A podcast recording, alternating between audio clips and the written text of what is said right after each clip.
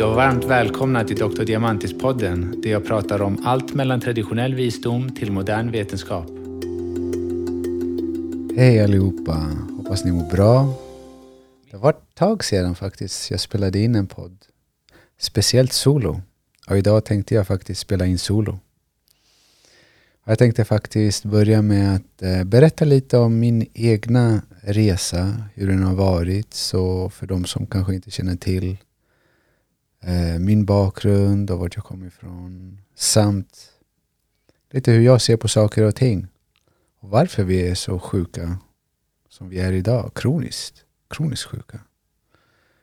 För att vi kan ju ha det mycket, mycket bättre. Och det är klart, ämnet blir då hälsa.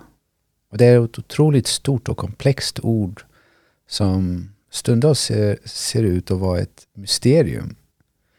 Eh, men vid utvecklingen av alla kroniska sjukdomar och framförallt i mitt fall så hade jag faktiskt inte suttit här ifall jag hade accepterat orden vi vet inte eller det är ingen som vet. För det var jag fick höra varenda gång jag eh, lämnade ett läkarbesök. För oavsett hur sjuk och desperat jag än var för att förstå min situation och, och bli bättre kunde jag inte tillåta någon annans begränsade kunskap påverka mina möjligheter att bli bättre. För jag visste att det handlade bara om att identifiera inte bara ett problem, men flera och sedan skapa förutsättningarna. Så jag kunde, jag kunde helt enkelt inte tillåta någon annans åsikt bli min verklighet. Så jag är idag helt övertygad på att det alltid finns en anledning till varför vi blir sjuka. Men svaret kan vi tyvärr inte finna i en medicinsk modell. Vi behöver förstå hälsa utifrån flera olika läror som beskriver hälsa i dess olika dimensioner. För vad vi känner till här som den konventionella vården, det är en modell som kallas för den allopatiska medicinen. Sen finns det kinesisk medicin. Sen finns det homeopati. Och det finns ayurveda. Och alla dessa är olika medicinska modeller som finns parallellt med varandra. Men vad jag utgår ifrån, alltid, är att kroppen, sinnet och medvetandet innefattar en obeskrivlig perfektion där självläkning är en av dess grundfunktioner. Vi är ämnade för att kunna läka. Inte bara fysiskt men också emotionellt mentalt. Och att ingen cell är densamma som för sju år sedan. För vi är själsliga varelser som har en mänsklig upplevelse där kroppen är detta fantastiska instrument som förnyas varje sju år. Ingen cell är densamma som för sju år sedan. Vi behöver låta det falla in och landa lite. För att trots att alla delar i dig, hela du förändras, kommer det, trots det, kommer vi bära på minnen, intryck, känslor, tankar, funderingar, åsikter och tron som skapar vår verklighetsbild.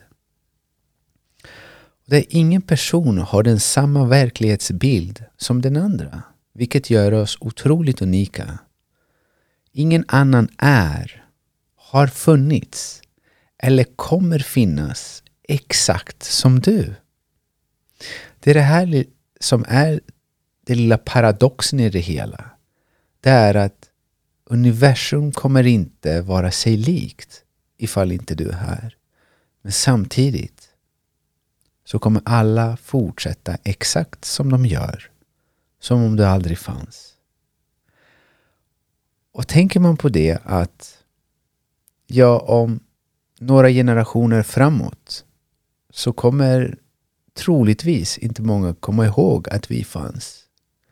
Och alla våra ägodelar kommer ägas av någon annan eller kommer ha förstörts. Och här är vi nu idag. Och passerar. För det är vad vi gör, vi passerar. Trots det så är vi ett eget litet universum. Vi är ett medvetande som föds in till den här kroppen för att upptäcka och uppleva denna mänskliga upplevelse. Vilket är fullständigt fantastiskt. Vi är medvetna om att vi är medvetna. Det är vad Homo sapiens sapiens betyder. Den medvetne som är medveten om att den är medveten. Och vi är det i en biologisk kropp som ständigt förnyas. Och det är otroligt unikt. Det finns en intelligens i kroppen som går tillbaka miljoner år. Men samtidigt så lever vi i en miljö där aldrig tidigare varit i kontakt med så mycket nytt. För trots att vårt intellekt skapat teknologi och förändrat miljön vi lever i så spenderar vi allt mindre tid i att undersöka vår inre natur. Jag upplever att det, att det egentligen är ett ansvar som vi alla har. För annars kan det bli lätt att vi söker svaren på de inre frågorna där ute. Det är därför jag anser att hur vi ser på oss själva och världen är absolut avgörande för vår hälsa. Och det är min stora övertygelse och utgår alltid ifrån att vi är självläkande varelser med förmågan till en radikal transformation. För det är hur vi tolkar den informationen som vi får in via de fem sinnen som kommer avgöra hur vi ser på världen och oss själva. Det stora skiftet är inget yttre, men det är ett inre. Ett perspektiv som förändrar, där vi ser världen från att se det från, genom vårt ego till att se det genom vårt hjärta. Och det är ett skifte där vi ser oss själva som att vi har brist på något, som ett fragment som måste kompletteras, till att vi kommer till insikt att vi är hela och vi är heliga. Men för att det ska ske så krävs det ett holistiskt perspektiv. Men för att vi ska kunna för att det ska kunna ske så behöver vi skapa tillräckligt mycket utrymme i vår subjektiva mentala infrastruktur för att det nya ska kunna få ta plats. Vi behöver vara öppna för det okända, kunna ta emot, analysera, undersöka, låta marinera och ifall du kommer till samma upplevelse, endast då acceptera det. Referera inte till någon annan, varken till mig eller någon annan i någon bok. Undersök och kommer du till samma upplevelse, då prata då som auktoritet. För en viktig förändring i att förstå dig själv är att se dig och hälsan utifrån ett energiskt perspektiv och inte enbart från ett fysiskt. För trots att vi upplever våra besvär och symptom på ett fysiskt plan är det endast kroppens sätt att uttrycka en energisk underliggande obalans. I det energiska inkluderas det elektriska som de elektriska impulserna som celler kommunicerar genom i kroppen. Och det inkluderar det elektromagnetiska fältet som hjärnan och hjärtat skapar beroende på aktivitet och sinnestillstånd. Det inkluderar det känslomässiga då känslor är energiskt laddade och inkluderar kroppens energiflöde så elegant så som det elegant beskrivet i kinesisk medicin. Så för mig är det alltid att nyckelordet är flöde. Så blodet behöver flöda som det är menat för att vi ska må bra. Och blodet är vad kinesisk medicin bär på kvaliteten av yin som är dess natur. Det är materiellt som bär på syre och näringsämnen och transporterar dem till cellerna för att sedan avlägsna avfall. Men för att detta ska kunna ske är blodet beroende av en kraft, en energi för att cirkulera. Den energin är yang, avspeglar den immateriella delen i yin-yang-modellen. Blodet är därför direkt beroende av energin för att cirkulera och energin är beroende av det materiella för att blodet ska kunna uttrycka sig igenom. Så yin och yang står för mer än bara, det är klart det står mer än bara det, men trots att de flesta av oss så känner vi till att det betyder mer eller mindre balans. Den nödvändiga balansen vi behöver i vårt liv för att må bra. Och det är någonting som finns där. Det finns där naturligt, det är en del utav oss. Så vår fråga är inte hur ska jag hitta tillbaka till balans? Det är mer vad i mitt beteende och i mitt sinnestillstånd gör att jag berövar upplevelsen av balans. Balans är en, en, sak som jag förlorade en gång i tiden. För trots att jag idag eh, befinner mig på en väldigt fin plats, både fysiskt och känslomässigt, så har jag varit väldigt, väldigt sjuk. För det var för fyra år sedan eh, jag befann mig i det vi kallar för botten. Och när jag säger botten, jag menar botten. fanns inget djupare än så. Och det var i mitt mörkaste mörker, en plats som jag idag kan säga att jag faktiskt ser som en väldigt intressant plats. För trots att jag aldrig önskar att jag ska hamna där igen så är jag otroligt tacksam för att ha upplevt den, den delen av mäns, människans medvetande. För det är något väldigt speciellt som sker där. Det är en väldigt dynamisk plats. Så jag var då sängliggande i, i, i stort sett ett år utan att veta vad som var fel på mig. Och ingen av de 15 olika läkarna kunde ge mig svar på varför min kropp och sinne hade gått från att vara elitidrottsman till sängliggande. Jag hade då två hela A4-sidor fulla av oförklarliga symptom helt enkelt. Men eh, det jobbigaste av allt, det som verkligen satte sig i djupet var oförmågan att hjälpa min höggravida fru som bar på vår dotter. Att ligga hjälplös vecka efter vecka och känna hur i stort sett kroppen förtvivnade. Och det är bland det hemskaste jag någonsin upplevt.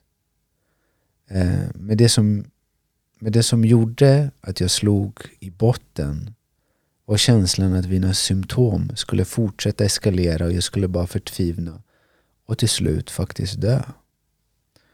Så jag minns fortfarande den vinternatten jag inte kunde somna och jag kände faktiskt en kall rysning gå längs min ryggrad.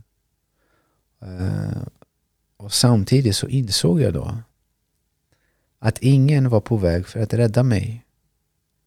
Läkarna på vårdcentralen visste inte vad de skulle göra av mig och därför frågade de mig faktiskt när jag kom dit vad jag gjorde där. Jag kände mig otroligt förnedrad. Jag kände hur skammen faktiskt kröp upp. Och det väckte bara en stor våg av sorg. Men eh, jag insåg, jag förstod att eh, oavsett om jag spenderade sex eller åtta timmar på akuten så var inte jag prioriterad för eftersom jag var inte döende.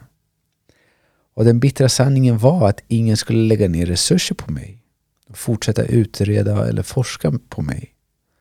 Och kände mig inte hörd, ofta nedvärderad och väldigt förolämpad. Men jag, jag förstod att ingen annan än jag kunde förstå sig på komplexiteten av mitt fall.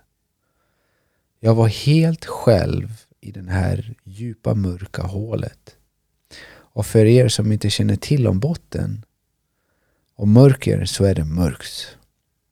Men vi pratar om mörkt. Vi säger aldrig att det är kolsvart.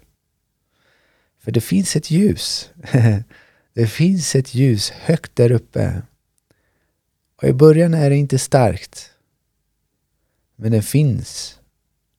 Och det, det ljuset heter hopp.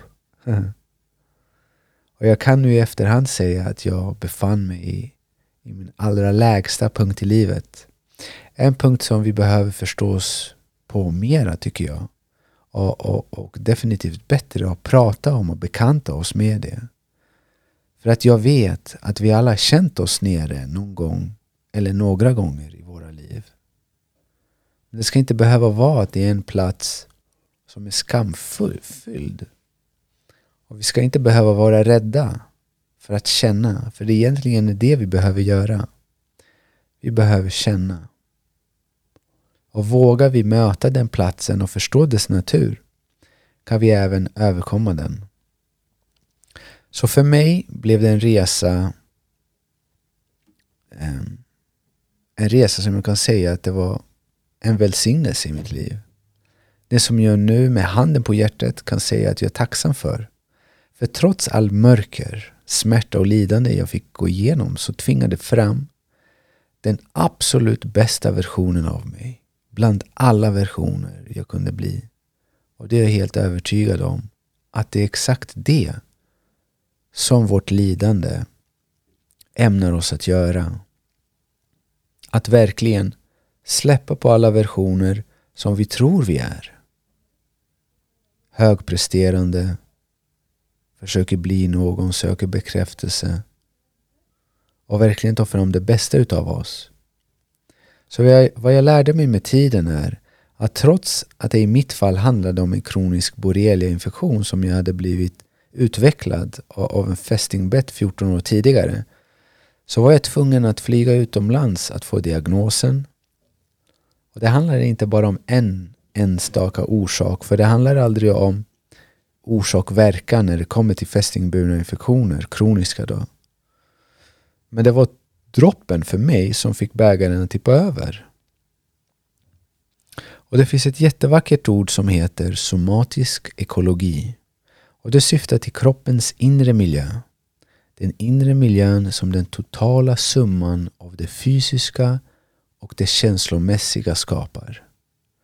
För trots att en utlösande faktor var fästingbett så hade jag levt med ett nervsystem som var i kampfara i över 20 år. Och miljön i min kropp var redan i ett tillstånd där främmande sjukdomar främjade dem helt enkelt. Eh, för att det var såklart i obalans. Och detta har blivit min syn på hälsa. Och det är, att, och det är vad jag ser hos alla mina kroniska sjuka patienter.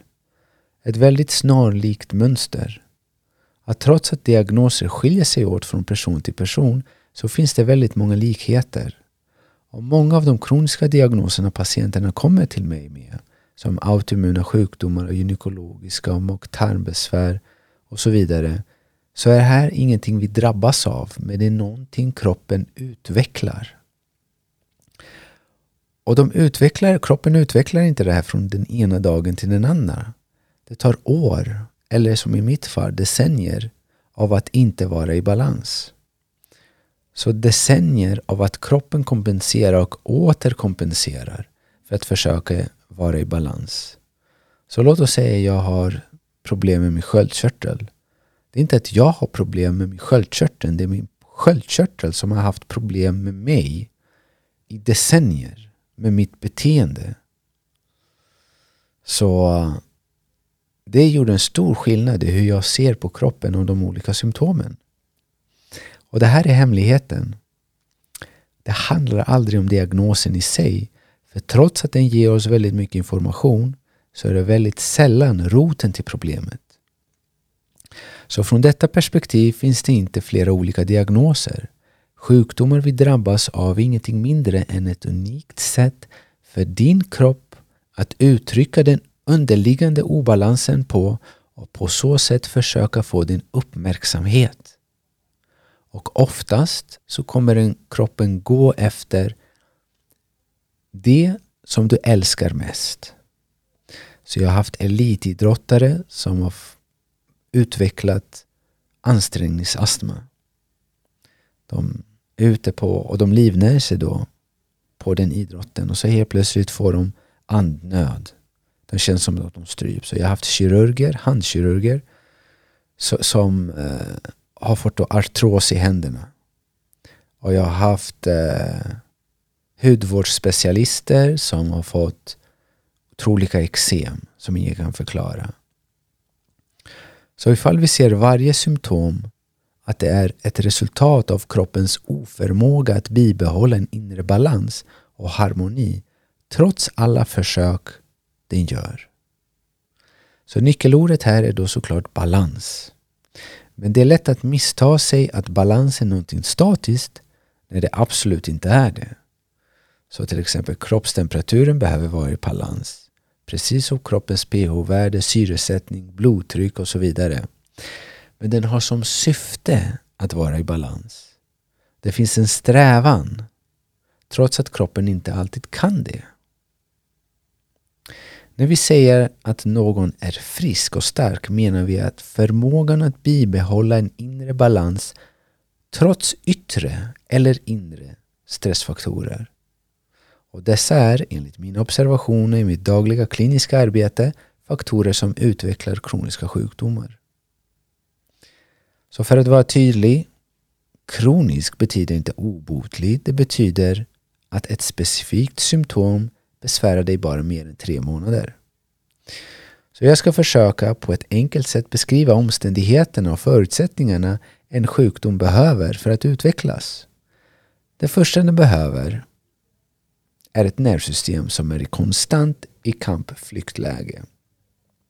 Och det är oftast orsakat på grund av en dysfunktionell uppväxt med bristfällig anknytning till en eller båda föräldrarna.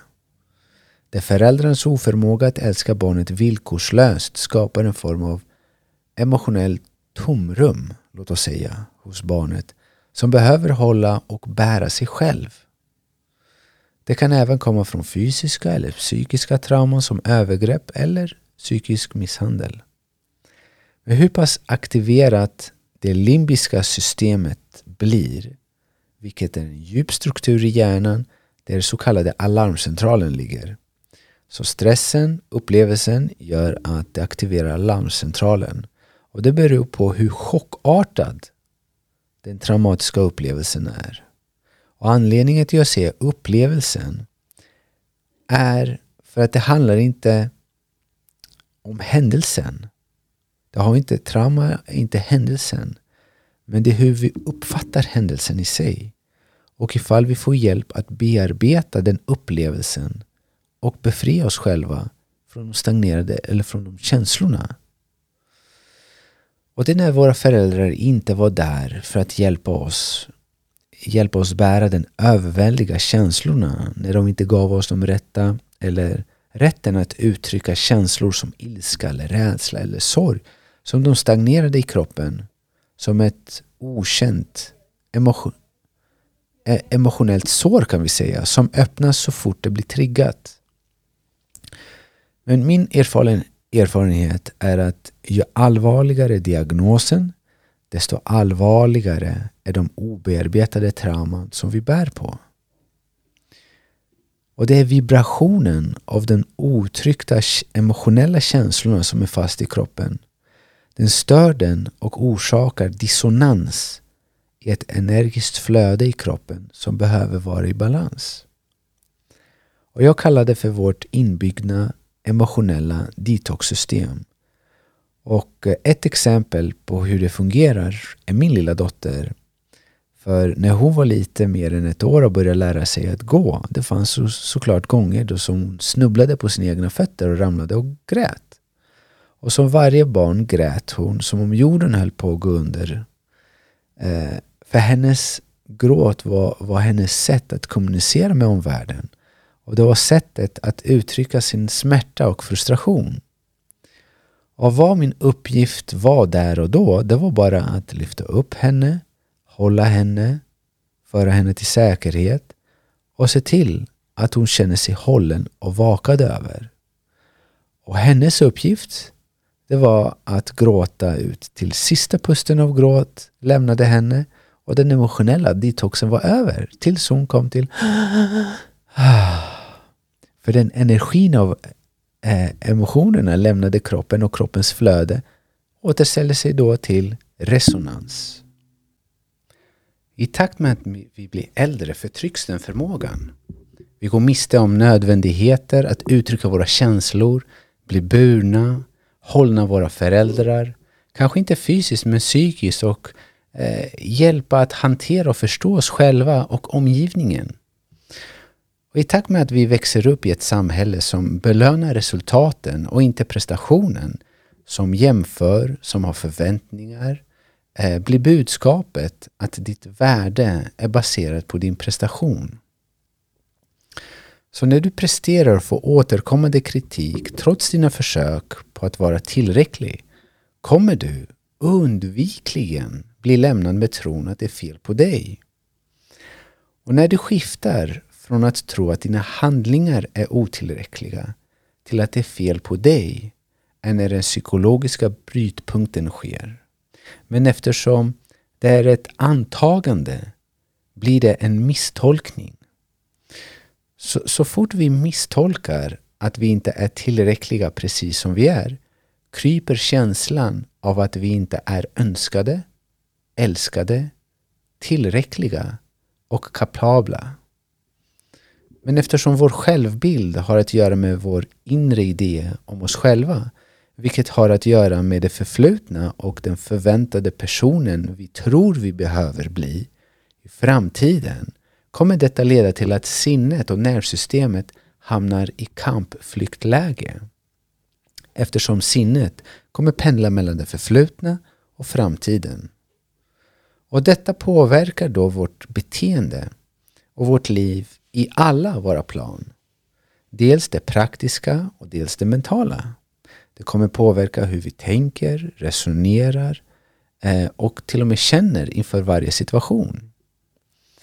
Men våra tankar kommer ofta då cirkulera kring vad andra tycker och tror om oss. Och eh, vi kommer övertänka och överanalysera. Och det är ett ytterligare ett vanligt beteende hos någon med eh, dysfunktionell barndom. Och känslan av kontroll är ytterligare något vanligt. Då traumat skedde i det oförutsägbara. Eh, det var när vi var oförberedda för den psykologiska käftsmällen. Det är då och den återkommande kritiken som ledde till att vissa känner skuld för att vila, slappna av och göra något som vi egentligen tycker är kul. Så vi presterar för att vara duktiga och vi försöker visa framfötterna eh, och inte göra ifrån oss och visa att vi bryr oss. För att idag är det nästan, vi antar att är man inte stressad så på något sätt så bryr man sig inte. Men eh, prestationen då har gått över från ett praktisk prestation till ett psykologiskt. Och vi presterar för att ja, vi söker bekräftelse.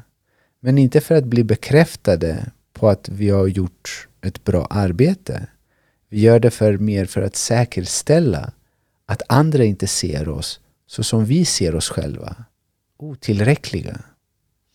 Och tron av att inte vara tillräcklig och de sekundära känslorna som kommer som skam och skuld, rädsla är vad vi egentligen försöker undvika. Det, det är den upplevelsen som kommer påminna oss om att vi inte är tillräckliga. Det är det vi försöker undvika. Och det är därför också vi är rädda för att släppa taget. För att även om vi inte gör det fullt ut så finns det alltid där i bakhuvudet. Och med tiden så, så äh, blir det ofta för tunga de här äh, tankarna och känslorna. Och det blir för tungt och för jobbigt för oss att bära vilket gör att vi söker olika flyktvägar att lätta trycket på. Så vi utvecklar olika hanteringsmekanismer. Och Det kan vara maten vi äter i form av socker, godis eller skräpmat. Det kan vara tv-spelandet eller scrollande i mobiltelefonen. Alkohol och andra droger är också en typ av flykt. Så vad allt det har gemensamt är att det ger en dopaminfrisättning i hjärnan. Och det är en signalsubstans som skapar en må bra-känsla. Så återigen en form av flykt. Det blir en drog på något vis. Men det blir en form av artificiell dopamin. Men vad dopamin vill ha, det är mera dopamin. Och då hamnar vi lätt i ett repetitivt beteendemönster som kan gå från behov till beroende. Och inget av dessa beteenden har som intresse vad som är nyttigt, hälsosamt eller bra för dig. Det är för att det är ett nervsystem som är i kamp och flyktläge. Och så länge det är det så kommer då tyvärr inte ja, magen inte producera magsyra som den ska. Och eh, galla kommer inte utsöndras som det är menat. Nedbrytningen av maten kommer vara begränsad. Så när ofullständig nedbruten mat är på väg ner till tarmen kommer inte näringen absorberas som det är menat. Så oavsett hur mycket vi än försöker komma till bukt med det ifall inte nervsystemet är i här och nu så kommer vi vara begränsade. Och även tarmbakterierna kommer påverkas negativt. Dels på grund av kosten men även att nervsystemet inte är i balans. Detta kommer leda till en obalans eh, i tarmfloran som i sin tur kommer påverka hela din hälsa på olika plan. Så vad jag beskriver är vad vi kallar för stress. Det normaliserade ordet som gör oss sjuka. Och en kronisk inre destruktiv stress är vad som är inblandat i alla kroniska sjukdomar, diagnoser och orsaker till för tidig död. Så med tanke på hur vi, hur vi lever är det inte konstigt att vi lever i en epidemi av mag-tarmbesvär till exempel. Gynekologiska besvär där 9 av 10 unga flickor upplever menstruationssmärta att de behöver ta smärtstillande varje månad. Och hur tragiskt är det inte att förhållningssättet till sin livmoder blir skev och blir negativ? Och där allt fler par faktiskt har svårt att bli gravida. Allt yngre blir överviktiga. Eh, allt fler barn blir diagnostiserade med autism. Och allt fler behandlas med antidepressiva. Så någonting har gått snett. Och jag tror att vi kollektivt har gjort det. Vi är helt enkelt på fel väg. Vi är på bekräftelsens väg. Och istället för att vara på självuppvaknandens väg. Och vad som är tragiskt är att det industrin rider på denna våg av osäkerhet. För vi blir fantastiska konsumenter när vi känner oss otillräckliga. Vilket är bra för ekonomin. Men vad jag ser är att vi har förlorat själen. Så vi, vi har gått miste om glöden hos individen, intelligensen, tron och övertygelsen på att din kropp kan läka och istället börjar med att ta den för givet för att sedan se det som en, eh, en okänd anledning till varför den börjar bete sig som den gör. Och det är ingen som vet. Och att det är genetiskt. Men det är självklart att den kan. Att du kan och jag kan. Vi har inte varit, vi skulle aldrig varit här ifall kroppen inte hade förmågan att självläka. Vi hade ju dött ut för länge, länge sedan. Långt innan det fanns sjukvård eller läkemedel. Men den självläkande kraften är någonting som vi alla bär på. Och det är en viktig sak jag vill påminna dig om är att dina symptom inte är en brand att släcka för att fortsätta i samma beteendemönster som orsakade utvecklingen av symptomen. Se dem som uråldriga budbärare av visdom som försöker få din uppmärksamhet och säga att du är på fel spår. Så det svåraste i en läkande resa är inte att ändra vad du äter eller sova, sova tidigare. Det svåraste är att sätta sig ner, blunda och blicka inåt och bli medveten om vad du egentligen tror om dig själv. Vilka känslor du bär på, vilka obearbetade trauman som fortfarande styr ditt liv och beslutet att, att du ska bli fri från allt detta för att leva ett liv i ett samband, i, i samspel med kroppen och inte mot den. Vi behöver lära oss att leva med den och inte på något sätt fixa den. Det är inte jag som fixar mig själv. Jag har väldigt mycket att lära mig av alla mina symptom som kroppen försöker kommunicera med. Och då måste du se symptomen och kroppens sätt som säger att du inte lever och talar din sanning. För ifall du ser dina symptom från rätt perspektiv kommer du också förstå att de är här för att hjälpa dig navigera i livet. De är på din sida. De är inte onda, kroppen är inte elak, den är inte jobbig. Och egentligen är det en väg du inte alltid vill gå. Men det är en väg du behöver gå. I slutändan så kommer du vara tacksam över allt det här. Och du kommer inte alltid vilja äta en specifik kost eller ändra sömnrutiner, hoppa över middagar, säga nej till vissa vänner, sätta dig och göra andningsövningar, meditera, skriva tacksamhetsdagbok, tala om för dina föräldrar hur du egentligen känner. Men allt det här är nödvändigt. Du ser, du behöver bli en version av dig där du tar tag i det här och börjar skapa förutsättningarna. Men i slutändan så behöver du också släppa den versionen av dig och tillåta dig själv bara vara. För det är lätt att fastna i en form av att vi pillar. Att det blir en form av distraktion, ytterligare distraktion. Att vi är där hela tiden och ska försöka fixa oss själva. Och det finns ingen tillit i det heller. Ifall vi är där och pillar hela tiden. Så den stora utmaningen blir då att göra allt detta och känna att utan att känna att du begränsar dig och går miste om saker. För så länge du tänker på vad du egentligen skulle vilja äta eller göra när, när du inte gör det som du behöver, det finns ingen harmoni i det. Det finns ingen balans. Så du behöver fullständigt förankra dig i nuet och i din resa och, i, och förstå att det är på det här sättet som du kommer bli den bästa versionen av dig själv. För så länge du tänker på vad du egentligen vill kommer inte vara i nuet. Men ifall du bestämt dig för att göra det som krävs, inte försöka, inte göra ditt bästa med det som krävs, så kan jag tala om det för dig vännen att det finns ingenting i hela universum som kan stoppa dig. Du kommer hitta din väg och du kommer bli bra. Och jag lever fortfarande i den andan. Att jag gör det som krävs. Jag har inga personliga preferenser över vad jag vill äta eller vad som jag behöver göra. Det är vad behöver jag för att må så bra som möjligt. Och det är den vägen som jag vet också att emotionellt, mentalt och själsligt kommer jag må som bäst. Och jag förstår att eh, det kan vara överväldigande med alla förändringar som krävs för, för, för, sin hälsa. Och därför vill jag då bara påminna dig om att ta en sak i taget. Ta det steg för steg. Och det, det absolut enklaste du kan börja med är bara att andas.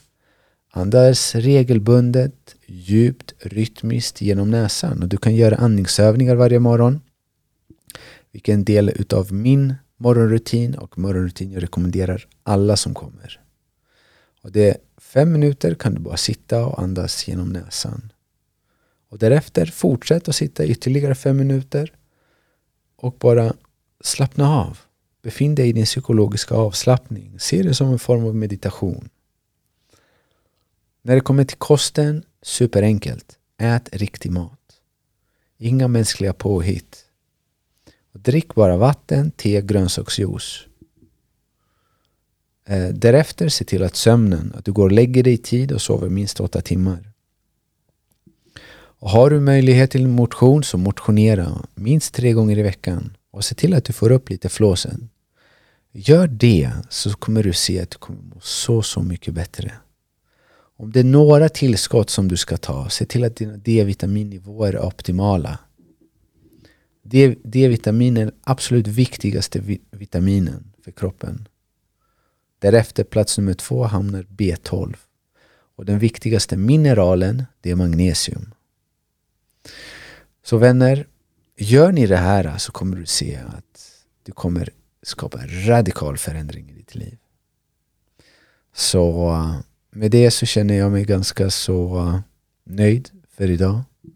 Jag känner att jag börjar bli lite hes till och med eh, känns bra att vara tillbaka och dela med mig av det här. Och såklart så önskar jag dig alltid, alltid allt det bästa. Du får jättegärna dela vidare det här eh, avsnittet om du känner det var värdefullt. Och ge mig också feedback. Önskar dig allt det bästa. Kärlek.